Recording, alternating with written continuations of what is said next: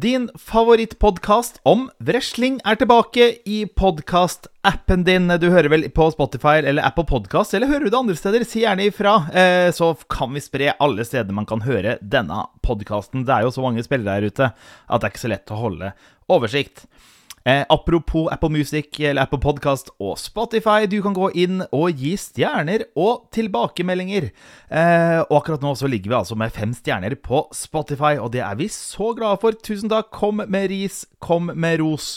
Den podkasten her, den lager du, Bjørn Sem og jeg sammen, så gi tilbakemeldinger. Mitt navn er Anders Holstad Lilleng, leder det hele, og så har jeg med meg selveste. Og når jeg sier selveste, hvem snakker jeg om da? Da snakker du om Bjørn Sem. Grunnen til at eh, denne podkasten her heter Bjørn er best, er nemlig meg. Så, Anders. I dag så ante ikke jeg hva det var vi skulle snakke om overhodet. Fordi eh, eh, jeg tenkte ja, nå har vi vært igjennom alt dette forferdelige med Vince McMahon. Og eh, vi har snakket en god del om det som eh, skjer i forhold til main event-situasjonen på WrestleMania. Så vi er vel egentlig ganske så oppdatert. Og så mhm. kommer du med informasjon til meg fra sidelinjen at ja, men vi, vi, vi, vi hadde en tråd som mm. vi var innom, som vi eh, egentlig ikke fullførte.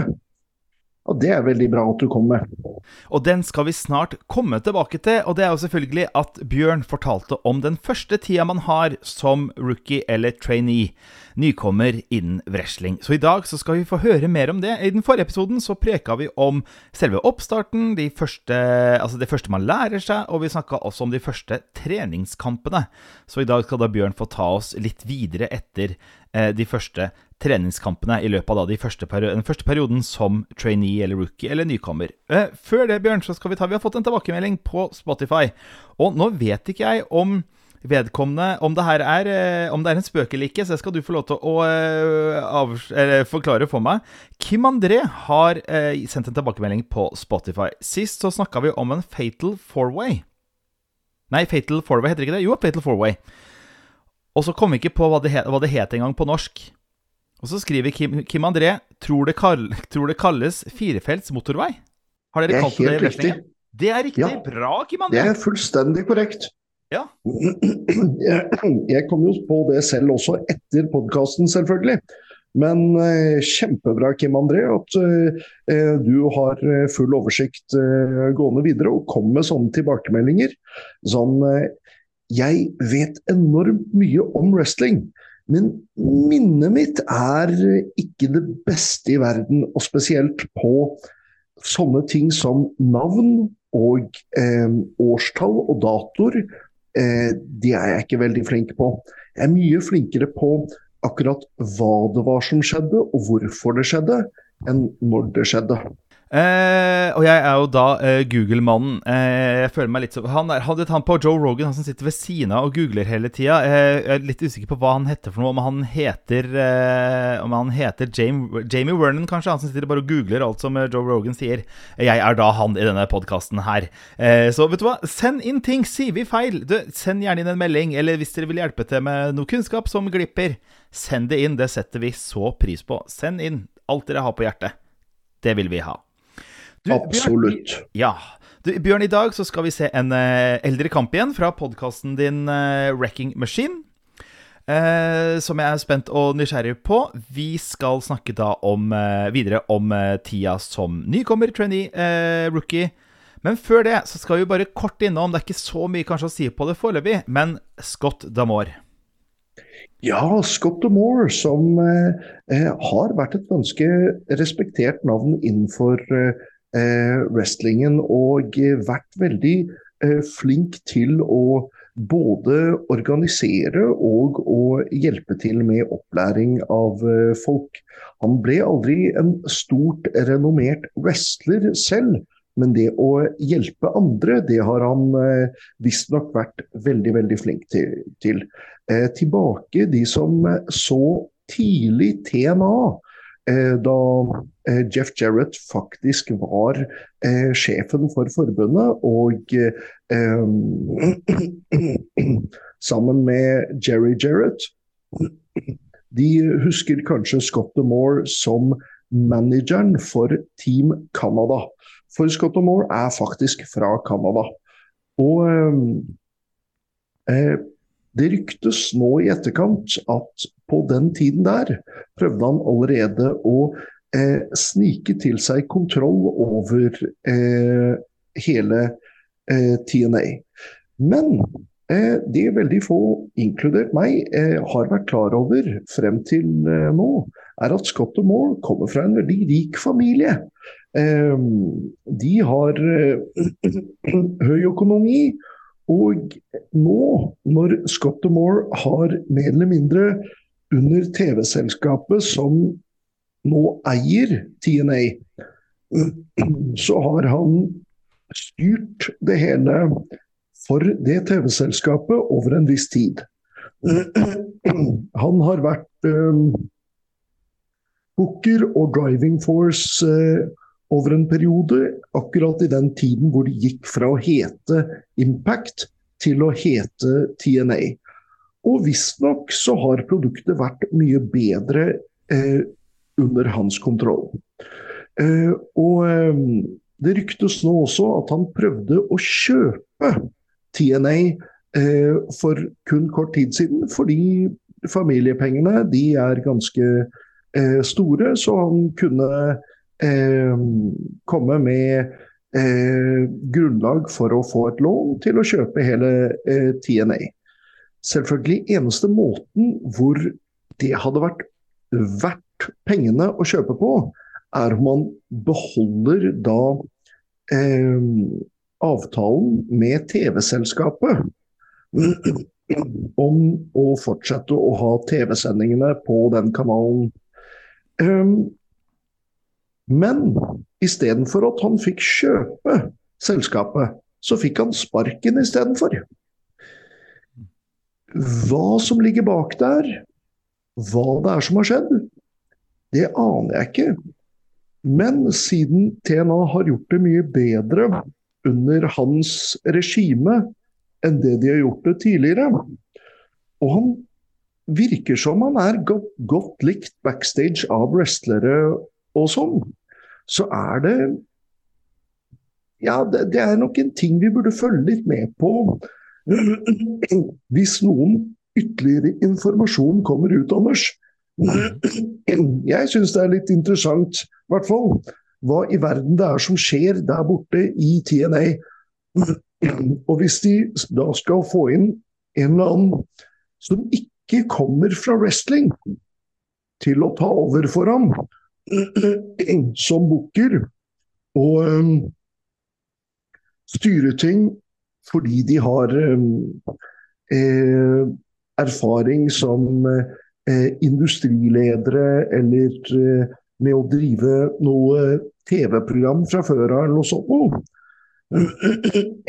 Så er det veldig enkelt å si at man trenger innsikt i hvordan å drive wrestling, og innsikt i wrestling for å drive et wrestlingselskap med suksess. Eh, da holder det ikke med å bare ha kunnskap om eh, TV eller eh, industri. Det, mm. wrestling er såpass spesielt så man trenger faktisk å vite hvordan man skal gjøre langtidshistorier interessante. Vi kan kanskje sammenligne dette litt med, eh, med Hollywood, som eh, har hatt Eh, eh, Marvel-filmer og serier og eh, DC-filmer og serier. Og så kan vi se på at hvis man har på en måte vært sanne mot det originale materialet og lagd gode historier basert på det, med gode skuespillere, gode regissører, så har resultatene blitt gode. Og så kan man se på etter hvert at det veldig mange har kalt eh, superhero fatigue. Mm. At eh, produktet har blitt mindre og mindre eh, populært. Men hvis man titter på produktene de har gitt, så virker det som de som har hatt ledelsene for dem, ikke lenger har brydd seg det spor om originalmaterialet, bare brukt eh, superheltnavn og konsepter derfra, og, og dermed bare lagd noen filmer med, eh, med, med høy CGI, høye effekter og egentlig veldig lite fokus på gode historier. Mm, altså alt handler på et vis Ja, ikke sant? For alt handler om et vis nå om å lage content, innhold, ikke om å lage historier. Det er jo ikke de store historiene som fortelles lenger i Marvel, f.eks. Det, det er jo en fatigue nå hvor alt bare repeteres, det er det samme som bare pøses ut og pøses ut og pøses ut. Nettopp. Og, og i likhet med Marvel og i likhet med DC, så er det de gode historiene som til syvende og sist langtidsmessig fenger. Mm. Og gjør at folk har lyst til å komme tilbake til å se neste. Mm. Ja. Og nå skal vi kanskje fyre opp eh, lytterne litt med mitt neste spørsmål. fordi apropos det vi snakker om nå, nå er jo, eh, vil jeg påstå, WWE inne i en gullperiode på historiefortelling. Det er mye spennende som skjer nå. Alt fungerer jo selvfølgelig ikke hele tida, men det er mye som er veldig, veldig bra. Når du sier det med at noen kommer inn i bransjen, ikke kan så mye om wrestling, men da skal ta styringa, hva er dine tanker om Tony Khan? For han starta vel da i 2018, har vel da erfaringer fra annen idrett. Eh, han har jo vært innom eh, eh Jacksonville Jaguars og også innom Fulham, eh, hvor han da eh, har eh, fingra sine inn i systemet. Og så har han jo da AEW. Hvordan syns du Tony Khan fungerer? Og der har vi også historiefortellingen, for han glemmer jo historiefortelling innimellom. Ikke sant. Mm. Jeg syns at Tony Khan eh, vel, i utgangspunktet Tony Khan har um, er ikke helt blottet for å ha noen som helst innsikt i wrestling, fordi han har alltid vært en diger wrestling-fan. Men han startet sitt inntog i å være i bransjen med å være eier og leder for et selskap. Det var nok ikke det aller smarteste å eh, gjøre. Han burde nok ha opparbeidet seg litt kunnskap fra innsiden først. Mm. Og han burde nok også ha hatt flinke folk til å jobbe for seg med å drive bookingen til selskapet. Det tror jeg hadde funket bedre. Jeg tror Tony Khan er en hyggelig fyr. Jeg vet ikke, jeg har aldri truffet mannen. Men derimot så syns jeg ikke han er en flink booker. Sånn som du nevnte, Anders. Han glemmer historier, og en god del ting han finner på, er på en måte eh, dårlig repetisjon av ting som har blitt gjort i både WWE, også WCW. Og veldig sjeldent at han bygger det opp på riktig måte. Han vil bare ha eh, de spektakulære øyeblikkene. Men hvis man ikke har den oppbygningen til de spektakulære, øyeblikkene, hvis man bare har fyrverkeriet, men ikke har noen historie i forkant, ja, det er kanskje spennende én gang i året på nyttårsaften eller 4. juli i USA. Men for å ha publikum kommende tilbake til å se på dette fyrverkeriet hver eneste uke. Og sånn som Tony Khan har akkurat nå, så har han tre programmer i uken. Så hvis man skal ha dem til å komme tilbake til å se tre programmer i uken pluss pay-per-views, da trenger man å fylle inn noen historier og gode grunner til at noen av disse eksplosjonene skal eh, foregå. Ehm, det å sette opp at ja, hvis ikke, hvis ikke, denne, hvis, hvis ikke du vinner denne matchen her, så kommer det til å eksplodere under deg, eller et eller annet sånt noe, som man faktisk har gjort.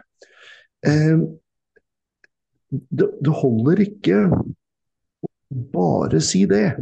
Mm. Man må gjerne ha en oppbygning til det som engasjerer folk, og som gjør at dette her blir spennende, og man får sympati med eh, den ene siden, sånn at de virkelig ikke vil at vedkommende skal eksplodere. Eh, for at det skal bety noe. Nå er det ikke bare vært eh, dårlig i eh, AEW. Absolutt ikke. Det har vært masse som har vært bra. Men mitt inntrykk er at en god del av de tingene som har vært superbra, har vært har kommet fra de wrestlerne selv som har hatt en, et, en god tanke for hvordan de skulle bygge forskjellige ting.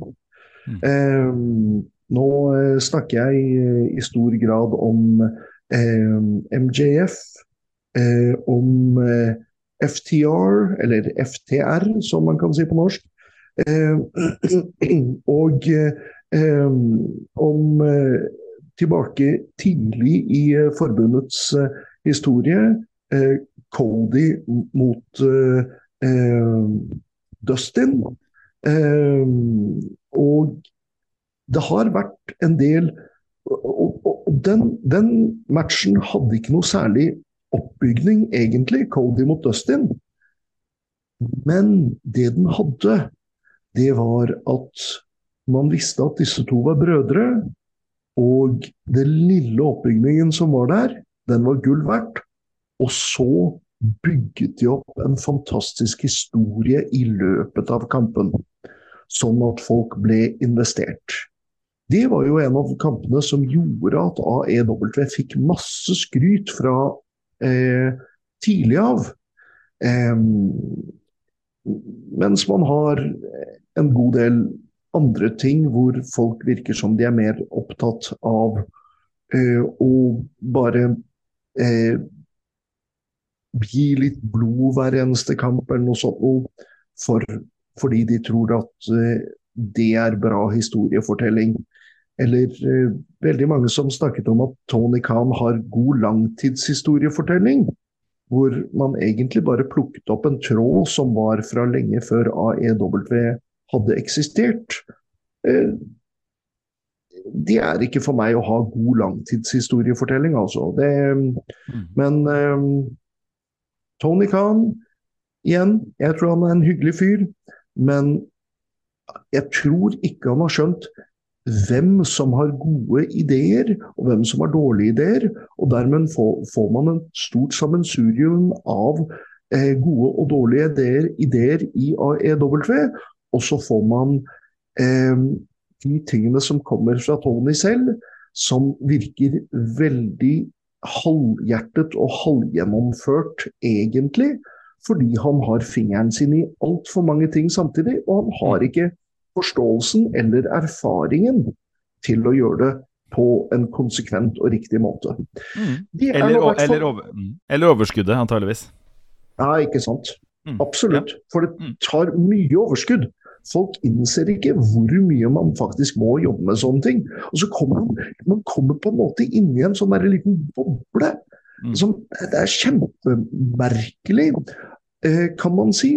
Fordi eh, som wrestlere så burde vi til enhver tid høre på publikum. Og hvis noe ikke funker, så burde vi forandre. Ok, ja, dette funket ikke, ja, men da gjør vi noe annet, eller går videre, eller et eller annet sånt. Ok.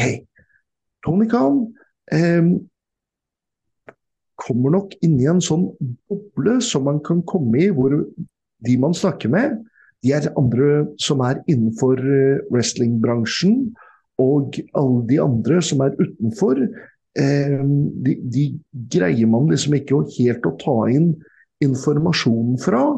Og så blir en eller annen backstage eh, morsom greie eh, Det blir såpass morsomt så man legger ut det til eh, eh, å være en story for publikum. Hvor publikum står der og lurer på Hæ? Mm. Dette skjønte jeg ikke noe av. Men det, ble, det, det, var egentlig bare i forhold til en ironi i forhold til noe noen sa på et eller annet tidspunkt backstage.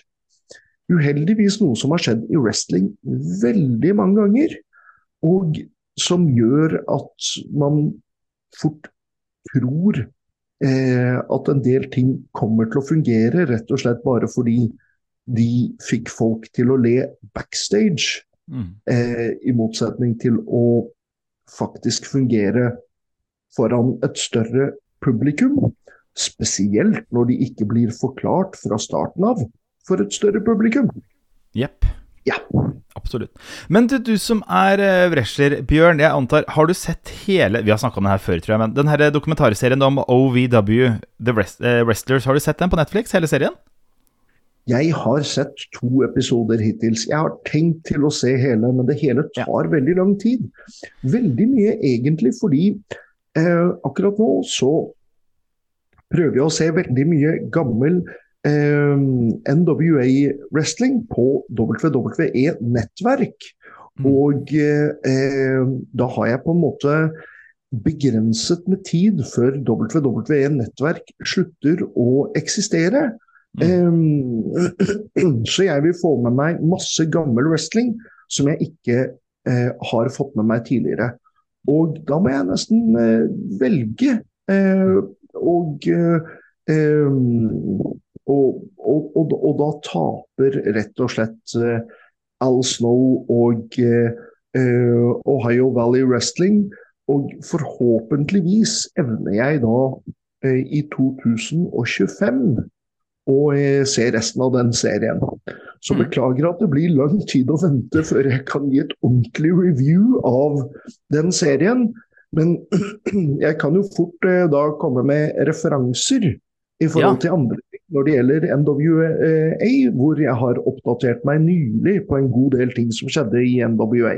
Mm. Jeg må si det at um, jeg, jeg, tror ikke jeg har nevnt dette her på en tidligere episode. Nå er det et par uker siden jeg så den matchen, men Starcade-matchen mellom Tully Blanchard og Ricky Steamboat, den er så vanvittig bra at den burde vært en av de historiske matchene som folk hadde husket, etter min mening. Um, sånn som folk husker uh, Rick Flair mot Ricky Steamboat, sånn som folk husker um, Eh, altså nå går vi ett hakk over igjen, etter min mening, når vi sier Savage mot Steamboat fra, fra WrestleMania 3. Jeg skal ikke si at Tully, Tully Blanchard mot uh, Steamboat var fullt så bra, men den var vanvittig bra. Og eh, sånn eh, Tully Blanchard eh, mot Magnum TA er husket mye større grad enn Blanchard mot Steamboat.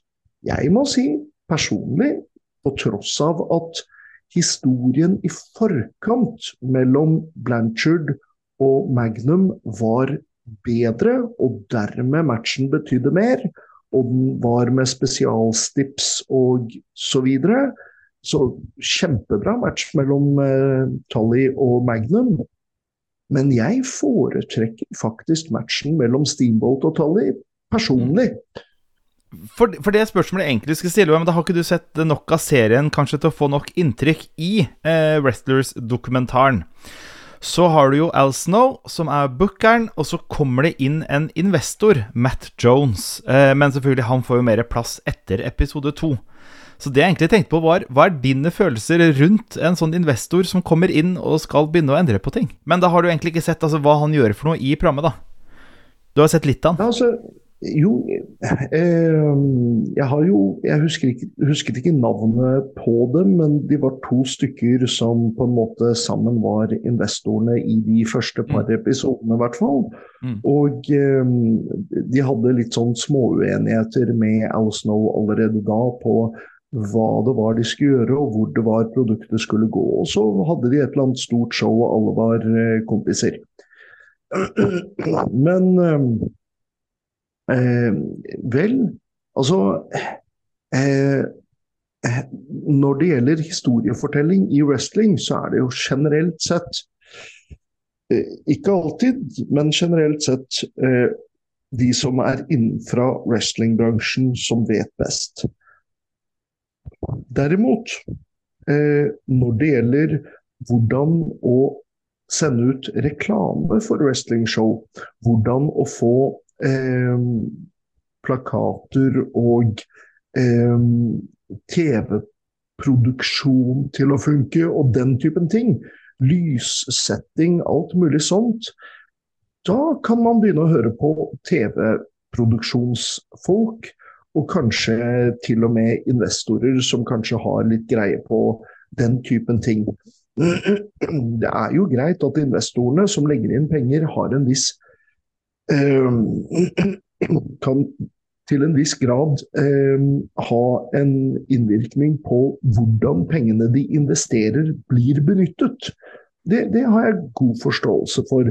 Men de må også forstå hvem det er som har best greie på å fortelle wrestlinghistorier, og hvilke wrestlere som kommer til å fungere langtidsmessig og, og engasjere publikum til å, å, bli investert, i motsetning til å bare kortvarig, kortvarig være et, et blaff i pannen, hvor eh, eh, publikum interesserer seg eh, der og da, men ikke er interessert i å komme tilbake igjen for å se mer. Så der er det, der er det definitivt eh, de som kommer fra wrestlingbransjen som burde ha hovedhånden og kunne sette ned foten og si Nei, nei, vi, vi gjør det på den måten. Mens når det gjelder alle de andre aspektene ved eh, wrestlingen, som f.eks. å velge eh, utseende på arenaer eh, i forhold til å lage TV-produksjon. Eh, og altså, det er tusen forskjellige ting som skal tenkes på på en sånn måte angående det å lage TV-program. Jeg har litt erfaring med å bli eh, filmet fordi jeg har vært med på noen TV-program. Jeg har vært med på noen eh, filmer og eh, noe sånt noe. Men jeg har ikke stor erfaring der. Jeg har stor erfaring innenfor selve wrestling-produktet. Så Wrestlingpersonen burde ha full styring på wrestlingproduktet, men være åpen for å ta imot forslag, fordi det kan godt være at man plutselig får noen gode forslag fra siden. Mens de som har med TV å gjøre, og så, osv., burde ha styring på eh, disse tingene. Og optimalt sett så greier disse menneskene å samarbeide. Det der tror jeg faktisk WWE har vært eh, Det har vært en av de beste styrkene til WWE gjennom tidene. At eh, de hadde en person som var fra eh, fra et av nettverkene, og greide å samarbeide veldig godt i forhold til eh, wrestlingen. Ehm, det sier i hvert fall ryktene om eh, en mann ved navn Dick Ebersole. Som eh, i utgangspunktet ikke hadde greie på wrestling, men som eh, hadde mye han skulle ha sagt i forhold til eh, hvordan TV-programmene til VVE skulle se ut. Og, eh, og samarbeidet godt med de som var i selskapet på det tidspunktet. Ryktene tilsier også at han var veldig kravstor. Men det, når det gjelder noen mennesker, så kan det være fordelaktig å være kravstor. Når det gjelder andre mennesker, så kan det være veldig uheldig. Så jeg vet ikke, kanskje han hadde en god finger på hvem han skulle være kravstor på, og hvem han ikke skulle være kravs, kravstor på. Men jeg kan ikke krangle på resultatet. Du, Apropos å ta innspill og slike ting, nå skal vi bevege oss til eh, dagens hovedtema. I forrige episode så preka vi jo om det å være trainee, eller rookie eller nykommer hvis man vil. Eh, om hva man lærer seg. Vi preka om eh, Eh, vi snakka om bumping, vi snakka om de første grepa, vi snakka om eh, de første treningskampene. Nå i dag tenkte jeg vi skulle bevege oss liksom fra når man har hatt treningskamper, og så framover til de første kampene. Hva er det man tar med seg og får tilbakemelding på, for å starte et sted, da, fra treningskamper? Ja, fra treningskamper får man jo alle mulige slags eh, innspill fra wrestlerne både eh, hvis man har en eh, treningskamp med en erfaren wrestler, men også eh, fra wrestlere som ser på med argusøyne. Eh, vi eh, kommer med alle mulige både tekniske og psykologiske detaljer som vi tipser vedkommende om at de kan bedre. Det er alltid noe man kan bedre. Uansett hvor flink man er, så er det noe man kan bedre. Og eh, det er i og for seg noe man gjør i forhold til kamper også den dag i dag. Eh, kan godt være at en medwrestler tipser meg om et eller annet etter de har sett en kamp med meg, og de har sett sånn derre Bjørn, eh, til neste gang um, Du burde kanskje skifte rekkefølge på de to grepene for å få en progresjon istedenfor en digresjon. For de ble oppfattet litt motsatt eh, eh, i, i, i, hvor viktig det var i, i, forhold til hva du trodde. Ah, ja, ja, ja. Og så begynner jeg å studere og titte nærmere på det, om jeg har opptaket, og titte på både hvordan jeg selv synes ser ut, men også hvordan publikum reagerer på det hele. Og eh, for ikke å snakke om hvordan motstanderen min reagerer på det hele. Så det eh, Det er mange eh, sånne ting som man spesielt tar på rookies, um, om de har debutert eller ikke, om de er i treningskamper, men også som foregår i de første kampene deres. Fordi når man først kommer ut der til sin aller første kamp, uansett hvor mye man har trent, så blir, så, og man er overbevist om at man er klar Uheldigvis så er de fleste overbevist om at de er klare fra uke nummer tre eller fire eller noe sånt. Og det, det, det, det er godt med å ha eh, selvtillit, men Eh, man er ikke klar etter uke nummer tre eller fire eller noe sånt. Og, øh, minimum et år, pleier jeg å si, og noen ganger tar det mye, mye lengre tid. Men første gang man kommer ut til ringen foran et publikum, og man skal ha en kamp, så blir man overveldet av eh, en, en, en følelse av press. Eh, fordi eh, plutselig så, så, var det ikke bare hard trening og eh, Og uansett hva du gjør, så, så, er det ikke så farlig, fordi det er ikke noe publikum som ser på. Plutselig så har du et publikum, og du føler et press for å levere godt. Og det presset det kan være overveldende for en god del eh, nye wrestlere. Og spesielt om de ikke egentlig er klare, så ser man det veldig kjapt at de ser enormt usikre ut mm. og vet nesten ikke hvor de skal gjøre av seg. Og da har man egentlig, etter min mening, debutert dem for tidlig. Hvis folk ikke bumper riktig, da har man egentlig debutert dem for tidlig. For der er det også en sammenheng hvis man er så overveldet av publikum, så blir man distrahert. Og eh, blir man eh, distrahert og ikke har bumpingen inne 100% på refleks, som man burde ha, ja, da kommer man til å bumpe feil. Um, og man risikerer å skade seg, og man risikerer faktisk til og med også å skade andre. Så um, man risikerer ikke å skade andre vanligvis ved bumpingen sin, men ved å gjøre små feil. Eh, som man absolutt ikke skal gjøre. Og eh, så får du de personene som er klare, og som går sin første match og gjør sitt absolutt beste. Til og med de trenger å modnes foran eh, publikum. De trenger eh, tid på å eh, bli bedre og bedre. Jeg sier alltid at det er best å tape sin aller første kamp.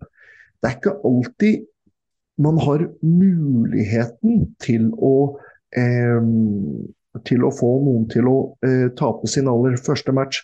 Fordi hvis man skal ha dem foran samme publikum igjen, så ser de kanskje litt for svake ut hvis de åpner med sin første match med et tap. Men det er godt å ha en veldig erfaren wrestler i ringen med noen som debuterer, sånn at eh, eventuelle ting de gjør feil, kan reddes inn, og sånn at eh, de føler seg tryggere på at eh, motstanderen har eh, styringen. Og så kan det være en gang iblant at rookies som går sin aller første match, også debuterer med, med en overbevisende kamp. Så kan det godt være at de ser superkule ut foran publikum, og så kommer backstage etterpå Gikk det bra? Er dere fornøyd? Sånn fordi man greide å skjule eh, alt. Eh, all den nervøsiteten som kommer. Til dags dato så får jeg sommerfugler i magen før jeg skal eh, ut til ringen. Og det er jeg glad for det er med på å gi adrenalin og spenning til hva jeg gjør for noe. Jeg er engasjert og ønsker å gi noe spesielt til publikum til enhver tid. Da blir jeg også litt nervøs, men det er nerver som jeg har til enhver tid under kontroll. Første kampen min, og i og for seg flere etter det, jeg var jo så nervøs at jeg ikke visste hvor jeg skulle gjøre av meg før den kampen. Men jeg tør påstå likevel at jeg var klar til å debutere da jeg gjorde det. Fordi jeg greide å levere et, etter min mening i hvert fall, bra produkt i ringen. Jeg har lært masse i etterkant. Så som jeg sa, det er en prosess. Man lærer mer og mer. Og til og med motstanderen min i ringen, som var læreren min, og som eh, kunne mye mer enn meg da jeg debuterte.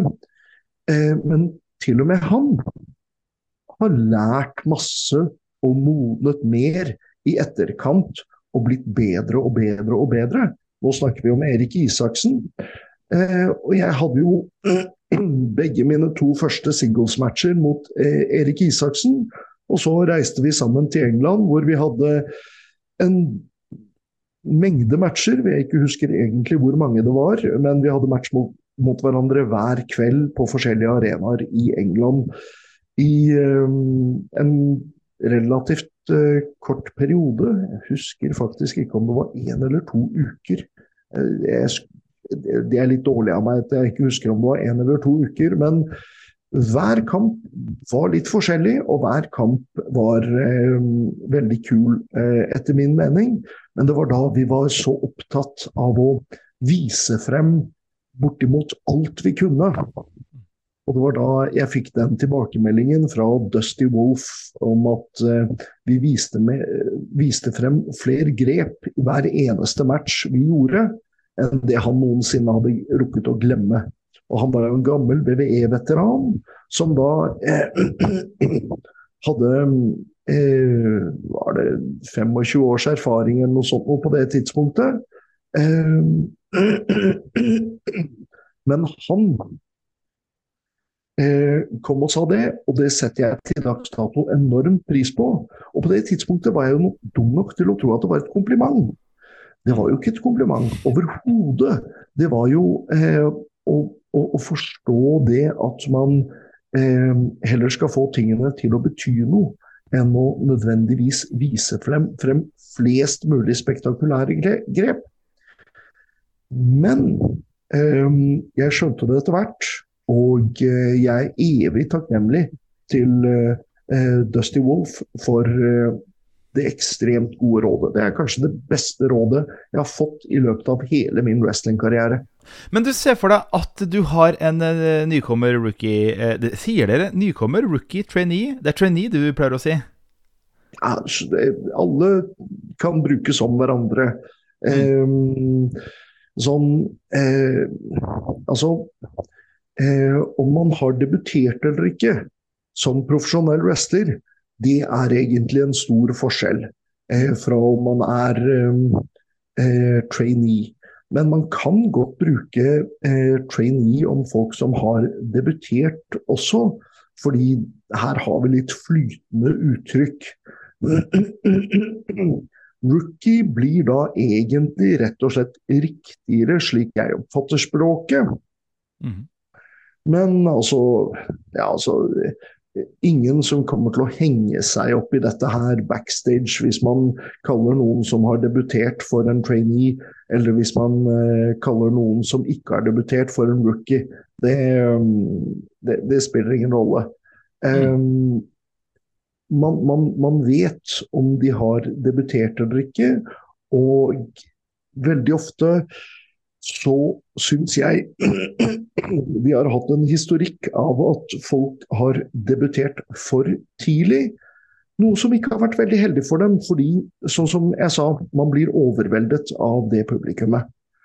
Og når man da har debutert, så har man nådd et mål. Og eh, av en eller annen merkelig grunn, så hvis man har nådd et mål, eller iallfall når det gjelder wrestling. Når man når et mål, og så var man egentlig ikke helt klar for det målet, og man, man greier ikke helt å, å, få kontroll foran publikum på hva det er man driver med, så av en eller annen grunn så stopper veldig ofte progresjonen der. Eh, og man kommer ikke videre. Derfor sier jeg veldig ofte til både trainees og til de som lærer bort, at det er mye bedre å vente litt lenger med å debutere enn å debutere for fort. Mm. Eh, for jeg vil heller at wrestleren skal være klar, 100% sikkert klar, og ha videre progresjon av eh, eh, etter å debutere. Men du vet åssen folk er. Folk, eh, og vi er folk i wrestlingbransjen også, så blir det veldig ofte sånn derre Jammen, han er jo så snill. Jammen. Har jo vært her så lenge. Jammen. Og, og det, det funker ikke, rett og slett fordi selv om traineen ikke tror det, så bør vi vite at det er å gjøre en diger bjørnetjeneste. Så jeg, jeg, er jo riktig mann med riktig navn til å skjønne hva en bjørnetjeneste er, så de burde høre på meg når jeg snakker om bjørnetjenester. Yes. Men, ikke sant? Ja, ikke sant. Men hvis du da har en eh, For jeg mener å huske Mulig du må korrigere meg på det, men jeg mener å huske at helt i starten så var du med på noen Battle Royal-kamper som du kanskje har litt blanda eh, tanker om ettertid. Hvis du har en Du kan gjerne bruke det som eksempel, men hvis du har en, eh, en eh, nykommer rookie, da, eh, rookie eller trainee nå, da Hvor mye har det for seg å putte en relativt fersk wrestler inn i en Battle Royal-kamp? Ganske mye, faktisk. Ja. Man må være sikker, etter min mening i hvert fall, på at vedkommende evner å gi gode strikes og eh, elimineres på en trygg og sikker måte over eh, topprepet. Ha nok selvtillit til å eh, se bra ut der inne. Men det som er fordelaktig med å eh, debutere noen i en eh, Battle Royal, eller Royal Rumble for den saks skyld, er at man får den overveldelsen av publikum idet man kommer inn. Og når man er der inne, så følger, følger publikum med på en, en, liten stund. Og så er det neste. Mm. Og så er det noe annet som skjer. Og så, så man kan få vist seg litt, og få en liten følelse på eh, det hele, og så bli gjemt litt i mengden. Og så lenge man da ikke gjør ting som ser fryktelig ut, og så blir, får man fokus igjen, eh, kanskje hvis man er med på et eller annet eh, spot som er planlagt, eller kanskje rett og slett ved at man blir eliminert. Eh, men uansett så er man da man, man, får på en måte en litt sånn halvsmak. Man, man blir ikke kasta rett ut til ulvene, men eh, man, man, får en mykere inngang. Eh, og det, det, det, tror jeg kan fort være fordelaktig. Men det er begrenset for hvor mange Battle Royals og Royal Rumble-type matcher man skal ha også foran publikum, fordi det blir også veldig repetativt etter hvert. Man kan gjerne debutere folk her i Norge i en eh, Kongen på haugen-match. Mm, og det pleier vi å ha én gang i året. Utenom det så pleier vi ikke å ha noe eh, eh Battle Royals. Eh, fordi vi har det en gang i året. Vi har såpass eh, Vi har såpass få show at det å ha det noe særlig oftere da, det blir eh, for ofte. Eh, da stikker heller den Kongen på haugen-matchen ut som noe veldig spesielt. Noe veldig kult noe annerledes, noe som skjer bare én gang i året. Og da er det litt mer spennende å komme og få med seg den kampen.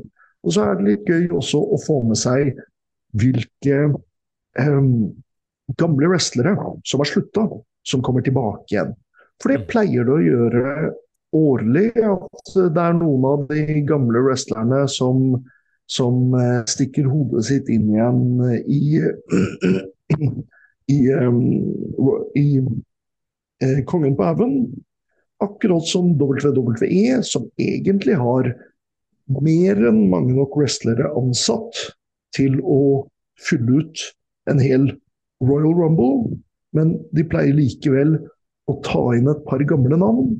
Rett og slett for det får alltid en nostalgisk, eh, kul følelse fra publikum, og publikum er litt spente på hvem det er som kommer inn i uh, matchen, uh, så lenge uh, forbundet har greid å holde det spoiler-fritt. Noe som ikke er veldig enkelt i WWE, men det er veldig enkelt her i Norge. Herlig. Du, vet du hva? Nå uh, har vi enda fått enda litt mer innblikk i den første tida man har som wrestler. Vi skal fortsette med Nå jobber huet mitt her hvor vi skal ta det her videre framover. Men vi må ha noe å glede oss til framover også. Nå skal vi bevege ja, altså, oss til Ja? Jeg kan jo si det at eh, både nå i England og nå eh, på, eh, i Bergen, så hadde jeg motstandere som ikke har lang erfaring eh, på seg.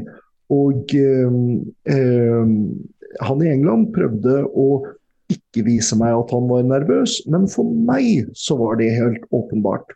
Og både han og eh, læreren hans, som også wrestlet på showet, takket meg i etterkant for både å ha passet på han under eh, kampen, at eh, han ikke ble eh, skadet, men også for å ha gitt han en kamp som så veldig bra ut. For det var jo jeg som hadde føringen og forståelsen av hvordan psykologien kom til å gjøre at den kampen kom til å fungere. Så selv om jeg fullstendig knuste vedkommende under den kampen, så gjorde jeg det på en måte som likevel skapte interesse for den karakteren, den personligheten som han var. Så jeg var veldig veldig fornøyd med det, som du husker, da jeg kom fra England. Mm. Mm. Og da eh, i, um, her i Norge, i Bergen, så gikk jeg mot eh, Chris Adonis. Eh, fabelaktig person. Og eh, han var jo eh, selvfølgelig nervøs, fordi det var første gang han hadde kamp mot meg, noe han har ytret ønske om å ha før jeg eh, ga meg. Og han, eh, han har ikke mange kamper eh, bak seg. Jeg tror vi fremdeles kan telle det på én hånd og ha fingre til overs. Men han, eh, han, han, gjorde det kjempebra i eh, kampen, men han var til stadighet nervøs. Og Backstage før kampen så kom jeg med et par forslag hvor han sa ja, ja, ja. Og så ville han gå igjennom og gå igjennom og gå igjennom. Og gjerne litt sånn prøve å overdetaljmessig eh, planlegge.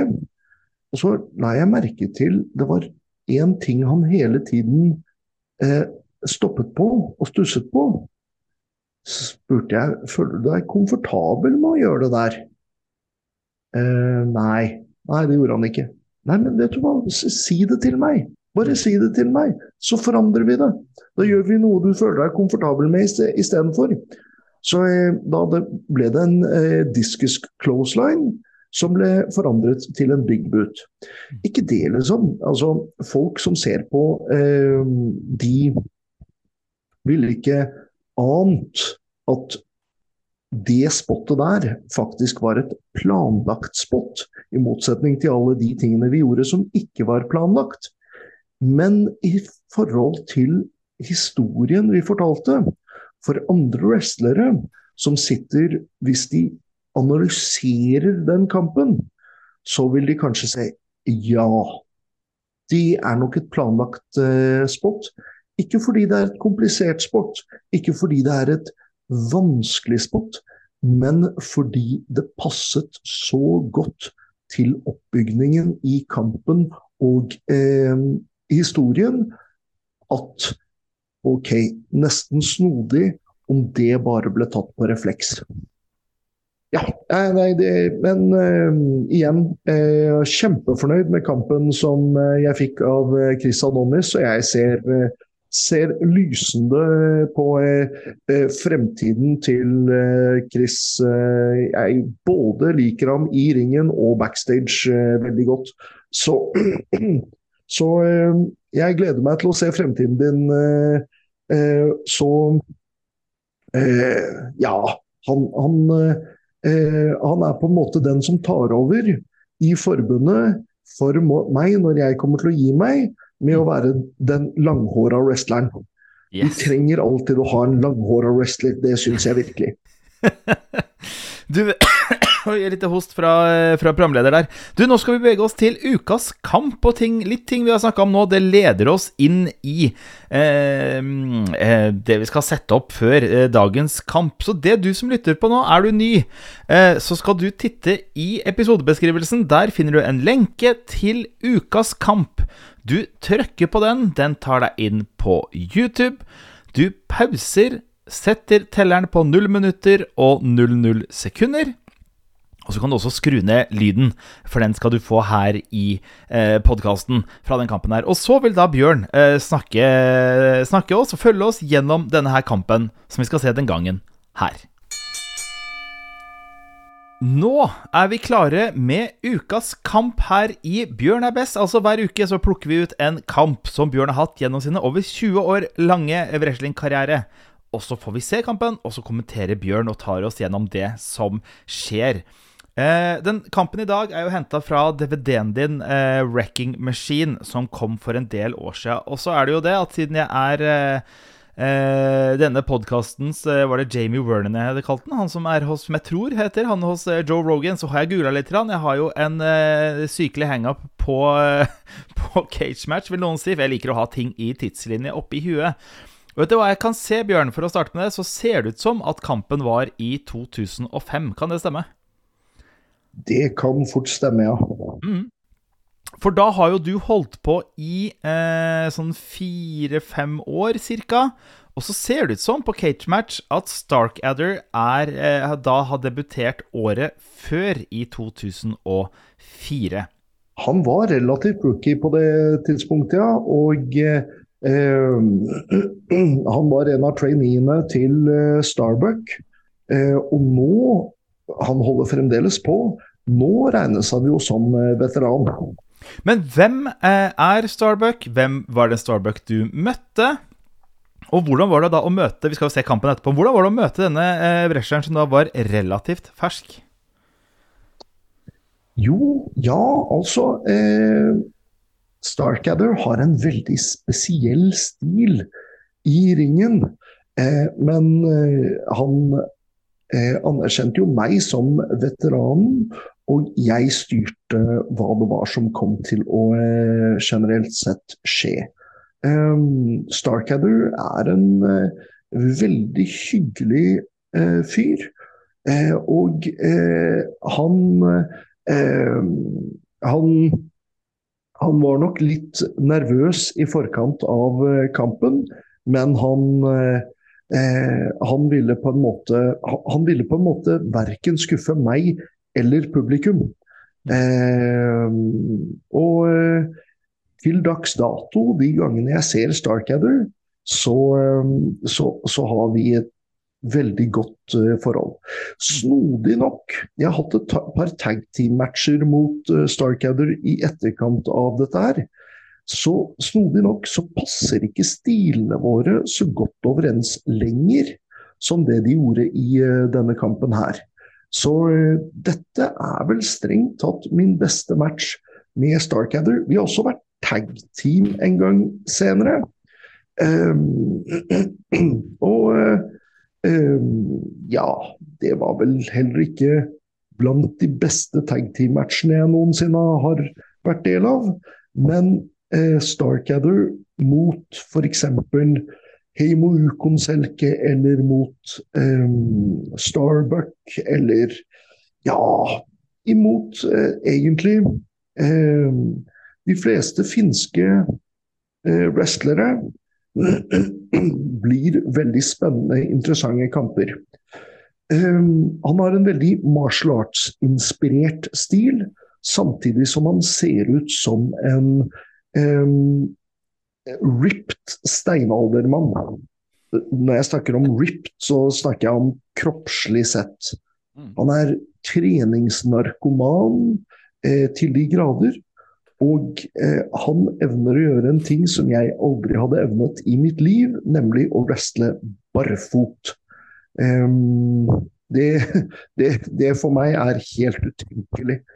Uh, men han, han, klatrer opp på topprepet uten, uh, uten, å ha boots på føttene og tar imot alle mulige slags bumps uten å ha sko på beina. Det Eh, det, er, det, er, på mange måter imponerende. Mer imponerende enn folk tenker over. Hvis du tenker over at du skal klatre opp, og så står du med all vekt på én fot oppå et reip. Ja, altså Det er ikke så veldig komfortabelt, egentlig. Mm. Du, da tar vi turen, vi, for å se på Bjørn Sem og en barfot eh, Starkadder, for å se hvordan kampen går. Hvis vi igjen, hvis jeg har googla riktig, så er vi da i 2005. Eh, og det kan se ut som at dette her er PVF, Bjørn. Kan det stemme? Ja, altså Det er for så vidt vært mange navn på det originale eh, finske wrestlingforbundet. Og hva det var de het på akkurat dette tidspunktet her, er jeg ikke helt sikker på. Men det var sikkert et eller annet som blir PVF når man lager en eh, eh, forkortelse på det. Jeg, jeg, Sikkert Pro Wrestling Finland eller noe sånt noe. Ja, helt riktig. Pro Wrestling Finlandia. Mm. Ja, riktig. Men, men altså eh, Det ble lagt ned et par ganger og satt opp igjen under ny ledelse eh, og sånn. Eh, fordi det var noen feilaktige valg tidlig i finsk wrestling. Men én eh, ting jeg kanskje også burde nevne i forkant av matchen, var at uh, på vei til dette wrestlingshowet Eh, så satt jeg i en bil sammen med Steve Corino. Mm. Og jeg hadde en idé om et spot som jeg hadde lyst til å få til i denne kampen her. uh, og spurte fordi Steve Corino han hadde en lariat, altså en clothesline, som finisher på dette tidspunktet. Og eh, det Jeg hadde lyst til å gjøre et spot med en clothesline i denne matchen. Eh, jeg hadde ikke kommunisert det til Starcather ennå, og kunne godt være at han hadde sagt nei til å gjøre det spottet. Men jeg spurte Steve Corino om det var greit at jeg brukte en, et clothesline-spot i løpet av eh, kampen, eh, siden han hadde eh, Lariat som finisher, og jeg ikke ville ødelegge for finisheren hans. Og Steve Carino var superkul og sa at You have a clothesline, I have a lariat. Completely different moves. Don't worry about it. You do your clothesline spot.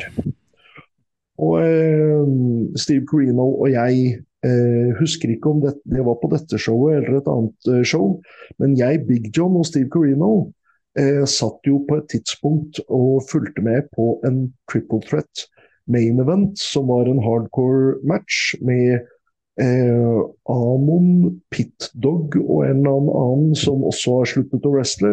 Samtlige har sluttet å wrestle for lenge, lenge siden. De var ikke lenge i bransjen.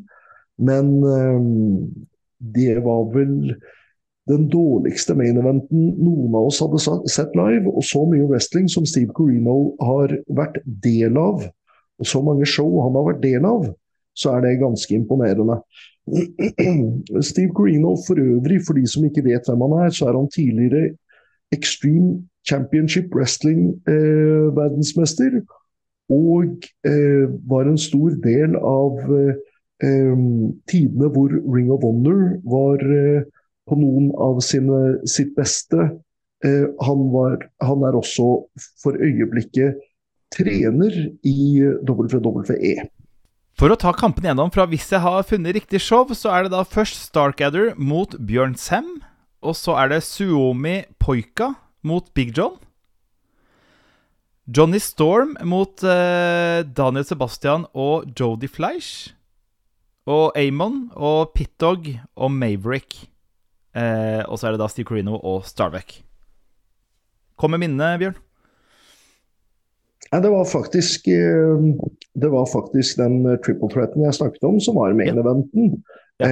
Um, mens eh, Starbuck mot uh, Steve Corino, som er en fantastisk match for øvrig, den var tidligere på showet. Dette var ikke Starbuck veldig imponert over. Eh, eh, at eh, det ikke var han mot Steve Corino som var main eventen. Og jeg er i og for seg helt enig med han i at det burde vært main eventen, for det var definitivt både den største matchen på showet og den beste matchen på showet. Um, og da var det på dette showet her jeg, Big John og Steve Corino satt sammen og eh, kritiserte main eventen. Og når jeg sier kritiserte akkurat denne gangen her, på dette tidspunktet, så mener jeg faktisk kritiserte på en veldig negativ måte.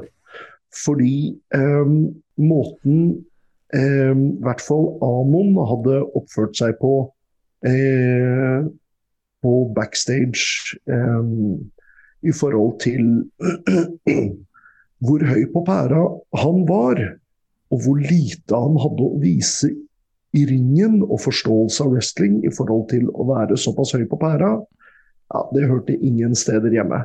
Ved siden av det så var psykologien i main eventen horribel. Ja, de kastet, seg, kastet hverandre gjennom en bøtte med bord, og jeg tror til og med det var noen tegnestifter og noen stiger involvert osv. Men eh, altså halvparten av spottene de hadde planlagt, de feila de. Eh, burde kommet med på Botchamania. Og, eh, og, og, og, alt annet så heller ikke egentlig bra ut. Eh, storyen i matchen var ikke-eksisterende. Alt de hadde planlagt var bare spots. Mm. Og stille seg opp i forhold til å eh, bli kasta gjennom bord og alt mulig sånt. Fordi de hadde jo ikke noen måte å føre hverandre eller å lage en kampstemning. Det, det så egentlig mest ut som det passa hjemme på, på et Jackass-show eller noe sånt. Ja. Men, men. Det, det, det, var den tiden, det var den matchen, og ingen av dem er i bransjen lenger. Nei, ikke sant. Og så ser jeg på igjen, nå spørs det jo med cage-match om kildemenn. det står Først så står det eh, en triple threat match mellom eh, Amon, Pittog og Maverick. Og den vinner da Amon og Pittog med double pin. Og så det, står det da en last man standing-match etterpå med Amon og Pittog. Så det her ser ut som den dro ut. Ja, ja det gjorde det. Det, var, det, det varte også veldig lenge. Altså, altså eh, Det høres kanskje ikke så veldig hyggelig eller positivt ut at uh, jeg, Big John og Steve Carino satt der og, og, og, og hånlo av uh, hva det var vi så for noe. Men vi, vi, var alle sammen egentlig relativt deprimert over at det var det som ble levert til publikum. Vi syntes det var kjipt. Men hva skal man gjøre for noe? Skal man gråte, eller skal man le? Ja, vi valgte å se humoren i det og le litt av eh, hva det var de eh, leverte for noe. Mm. Så sånn var situasjonen på det showet der. Men jeg var svært fornøyd med denne kampen vi skal til å se nå mot eh, eh Og etterpå så har jeg til og med en bitte liten historie. Jeg tror jeg har fortalt den før, men eh, likevel jeg forteller den igjen fordi den har med akkurat denne kampen her å gjøre. Supert. Da ser vi den kampen. Du er forhåpentligvis på YouTube. Har satt telleren på 0 minutter og 00 sekunder, og da skrudd ned lyden, så du kan høre alt her i podkasten. Vi gjør det sånn at jeg teller tre, to, én, play. Og på play så trykker du play. Da har vi kampene klar, vi her. Eh, Bjørn Sem i studio Oslo og Anders i studio Trondheim. Og vi sier tre, to, én, play. Der har vi Starcaderen. Der har vi uh, huleboeren, eh, Bjørn. Ja, ikke sant? Du skjønner hva jeg snakker om når jeg sier at han uh, ser ut som en huleboer. Nå ser han faktisk enda mer ut som en huleboer, for han har ja. fått sånn eh, Jeg holdt på å si langt skjegg, men han har en åpning midt i skjegget. Så det er på en måte Det, det ser litt ut som en sånn Ibsen, et, et, et sånn Ibsen-skjegg som ja. er eh, blitt grått med årene. Bare at det er en åpning i midten av det, som at på en måte halvveis blir en, en, en slags lang hengebart. Har, har eh, Starcadder og eh, Heim og Ukonselke jobba sammen? Ja da, absolutt. De har til og med hatt en tag team-match mot meg og eh, Eh, hva var det tag team-partneren min het på det tidspunktet? En kjempehyggelig kar. Men han skulle gi seg med wrestling, så jeg tror ikke han holder på lenger. Ja, ja. ja.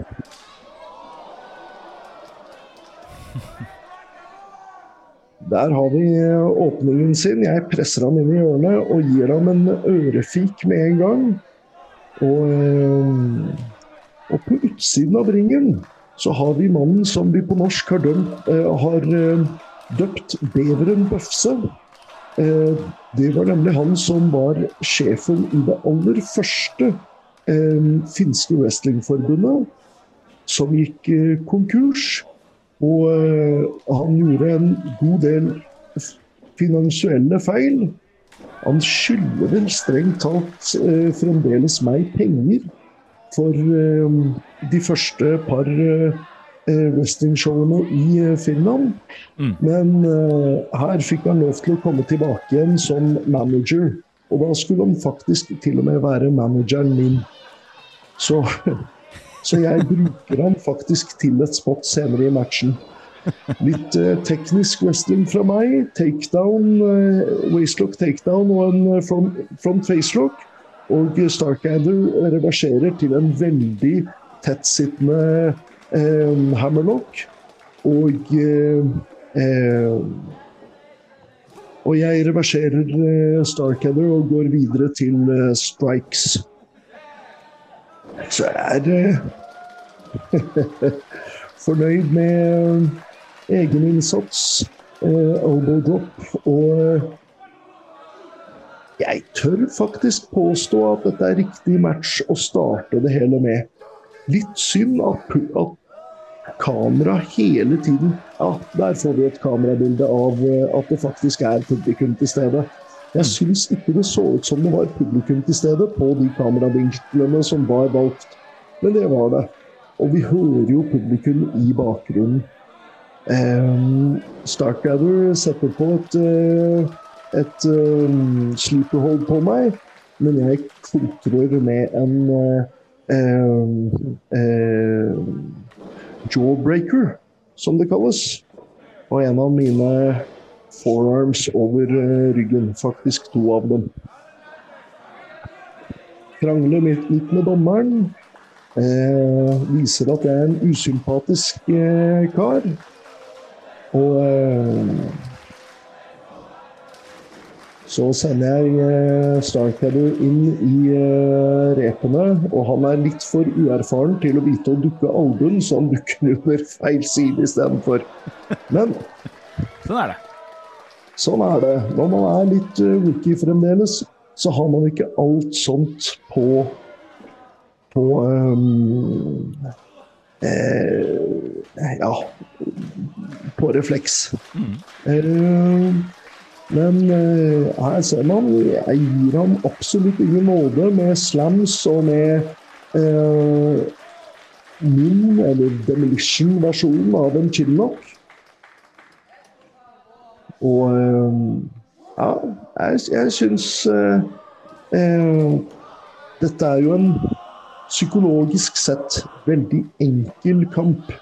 Men jeg syns likevel at vi får til å vise min spesielle stil. Og eh, til en mye mindre grad. Men fremdeles så syns jeg at Starcadder får vist frem sin spesielle stil. I hvert fall etter hvert. Jeg gjør en ankelåsning på, på stakkars Starcadder, og så et lyskestrekk. Og nå har jeg begynt å jobbe på beina hans. Det er lenge siden jeg har sett denne kampen, men et lyskestrekk til. Jeg tror jeg har en plan om å jobbe på, på beina hans gående videre. Der spiller jeg litt mot publikum for å vise dem at jeg ikke bryr meg om at de uh, chanter mot meg. Og Starkader gjør et godt forsøk på å slå meg litt i magen, men jeg gir ham et et eye-rake og en avalanche. Avalansjene mine har blitt bedre med tiden fordi jeg har funnet en annen måte å vinkle dem på. Jeg gjør dem litt mer som crossbody nå enn det jeg gjorde på den tiden. Setter opp Starcadder til en standing suplex. Og psykologien her er jo veldig enkel at eh, eh, i begynnelsen etablerer vi eh, litt grann hvem som er eh, publikums favoritt, og hvem som er eh, mot publikum. Og så holder jeg eh, kontrollen gjennom mesteparten av kampen. Men han får litt motstand. Han får lite grann for å holde spenningen og håpet oppe til publikum på at han kan greie kanskje å komme seg tilbake inn i kampen. Spinning head scissors fra Starcadder. Veldig kult utført for øvrig, og en veldig kul dropkick. Ja, og fin bump der òg. Ja, tusen takk. Mm. Og en spinebuster fra meg, som avslutter det litt større eh, håpet som publikum kunne bygge opp da Starcadder hadde overtaket. Eh, Starcadder prøver å gripe tak i bedre enn Bøfse, men eh, det er han litt for sliten til å evne å få tak i eh, Bøfse. En stående fug splash fra meg, men det er liv i du. Han er en uh, tøff mann. Jeg holdt på å si en tøff liten mann, men han er egentlig ikke en liten mann. Han er egentlig litt mer sånn gjennomsnittlig eh, Kanskje litt under gjennomsnittet i høyde, men ikke mye Ikke veldig mye lavere enn gjennomsnittet. Og en litt mer um, definitiv um, Chop? Ja. Mm. Og det var egentlig det jeg skulle fortelle om da choppen uh, skjedde. Uh, men den historien kommer uh, like etter matchen er ferdig. Yep. Ja, og jeg Ja. Jeg, jeg brutaliserer uh, Starcadder. Men jeg gjør det ikke superhastig, fordi jeg vil at kampen skal få høyere hastighet når Starcadder tar over slik som han gjorde her. En nydelig Enziguri, og så en ikke fullt så kul eh, backalbow, etter min mening. Og Starcadder setter opp for en suplex, og greier faktisk å snap-suplexe meg. Sterk liten eh, Sterk liten eh, plugg, han Starcadder. Og eh, double jump Eh, opp til, om ikke triple jump faktisk, for han hopper fra canvasen også, opp til en eh, baklengs crossbody. Veldig imponerende. En eh, fin facelam. Nesten det samme som en bulldog, bare eh, Man tar tak i håret med hendene istedenfor å ta et headlock rundt hodet. Det er forskjellen på en facelam og en uh, bulldog. Og der begynner han å løpe etter Beveren Bøfse på utsiden av ringen. Og stoppes av closelinen min når han kommer rundt hjørnet. Og Beveren Bøfse er der og uh, mobber han for det. Og det var det spottet jeg hadde i tankene uh, og spurte Steve Perino om jeg kunne få lov til å gjøre. Mm. Faktisk. Og jeg må tørre å, jeg tør å påstå at det så veldig bra ut. Mm. Absolutt. Og eh, Beveren Bøfse tar oppmerksomheten til eh, dommeren, mens jeg viser publikum veldig tydelig hva jeg eh, skal til å gjøre. Bjørns bolleskalle og Starcadder selger nydelig på hvor vondt han har i skrittet.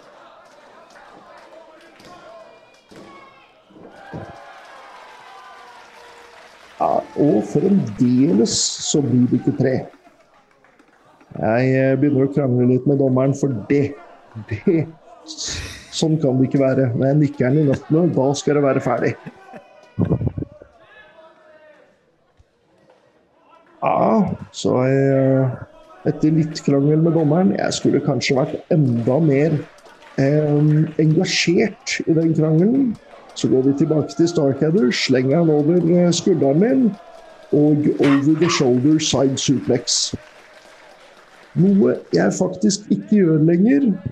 Det er hovedsakelig fordi jeg ikke vil lande på baken, rett og slett pga. de ryggoperasjonene jeg har hatt senere. Jeg tror ikke det kastet, såpass sjeldent som jeg gjorde, var med på å skape eh, at jeg måtte operere. Men alle monner. Og Fugsplash fra Bjørnsen som bommer.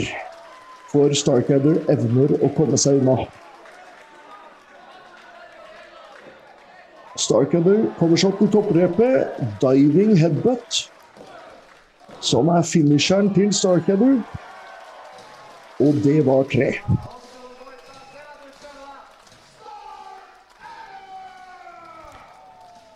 Veldig fin kamp, eh, Bjørn. Selv om det var ting du eh, kunne trekke for, så er det en underholdende og god kamp.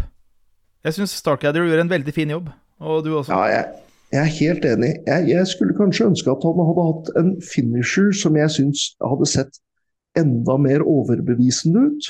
Mm. Men eh, utenom det, jeg syns Starcadder, og spesielt i forhold til erfaringen, gjorde en strålende eh, jobb. Og som mm. sagt, hver gang jeg møter Starcadder er det ekstremt hyggelig. Mm. Men jeg lovte å komme med en historie eh, i etterkant. Og det var nemlig det at eh, Jeg tror det var en måned etterpå eller noe sånt nå, eh, at eh, Starbuck tok kontakt med meg og eh, sa at jeg måtte eh, være lettere på choppene mine, og ikke choppe eh, traineene hans så hardt. Eh, så, som han ville at jeg skulle lære meg den eh, hardtskole-varianten av mm. å choppe, hvor man da eh, tar og krummer hånden mm. og har eh, luft innenfor. Sånn at eh, når man treffer med hånden, så kommer det store smellet uten at det da nødvendigvis gjør så vondt. For jeg hadde lagt igjen et håndmerke på brystet til Starkadder som, hvor man kunne linje ut fingrene mine på brystet hans i en måned etterpå. Så ikke så veldig lenge etter det så hadde jeg og Starbuck en match mot hverandre. Og eh, eh, Starbuck eh, eh choppet meg en del i den matchen. Så da spurte jeg Starbuck etter den matchen, og jeg var for øvrig for, superfornøyd med den matchen mellom meg og Starbuck. Strålende match. Den skulle jeg ønske vi hadde i, på opptak, men den har blitt uh, forsvunnet, uheldigvis, med tiden. Uh, men uh, Starbuck choppet meg i den matchen, og etter matchen så spurte jeg ham om det der med å krumme hånden som han ville at jeg skulle lære meg. Og hvorfor han ikke hadde gjort det, om, om han bare ville gi meg litt smerte, ta igjen for at jeg hadde gitt det merket til eh, Starkadder, eller om jeg hadde gjort et eller annet som han ville ta igjen for. Det var helt greit, ikke noe problem. Men jeg ville bare vite. Så sa han til meg det at nei, nei, nei. Det, det, det var ingenting han ville ta igjen for. Det var ingenting han ville gi meg smerte for. Men det med å krumme hånden og greie å, choppe på den måten sånn at det kom lyd, det var egentlig noe han heller aldri hadde greid å få til. Så. Fantastisk. ja. Fantastisk historie, ja. Så fremdeles til dags dato, de som blir choppet av Starbuck, de blir choppet så det gjør vondt, og de som blir choppet av meg, de blir choppet så det gjør vondt. Sånn er det bare. Nydelig avslutning på denne ukas episode av Bjørn er best. Fortsett, og uh, har du ikke lagt inn stjerner, gjør det. Kommenter sånn som Kim André gjør. Rett opp i ting. Kom med innspill. Hva vil dere høre mer av? Du fyr på med tilbakemeldinger. Det setter vi så pris på. Og del eh, podkasten med andre som du tenker vil kunne være interessert i det Bjørn har å fortelle. Kjenner du noen som har lyst til å starte med wrestling? Hvorfor ikke sende forrige episode og denne her og si du hører på dette her, så får dere høre litt om veien inn i wrestlingen fra mannen som er den beste. Og apropos det det som er gøy her i poden Nå skal vi ta et lite blikk bak kulissene. Eh, jeg har jo begynt med å utfordre Bjørn, uten at han vet om det, til å kjøre avslutning på episoden. Så Bjørn, take it away. Ja. Mine damer og herrer, eh, mitt navn er Bjørn Sem. Bjørn er best, og jeg er Bjørn. Jeg aner aldri hva jeg skal si på slutten av hver eneste episode, og det pleier som oftest å bli noe av det aller beste.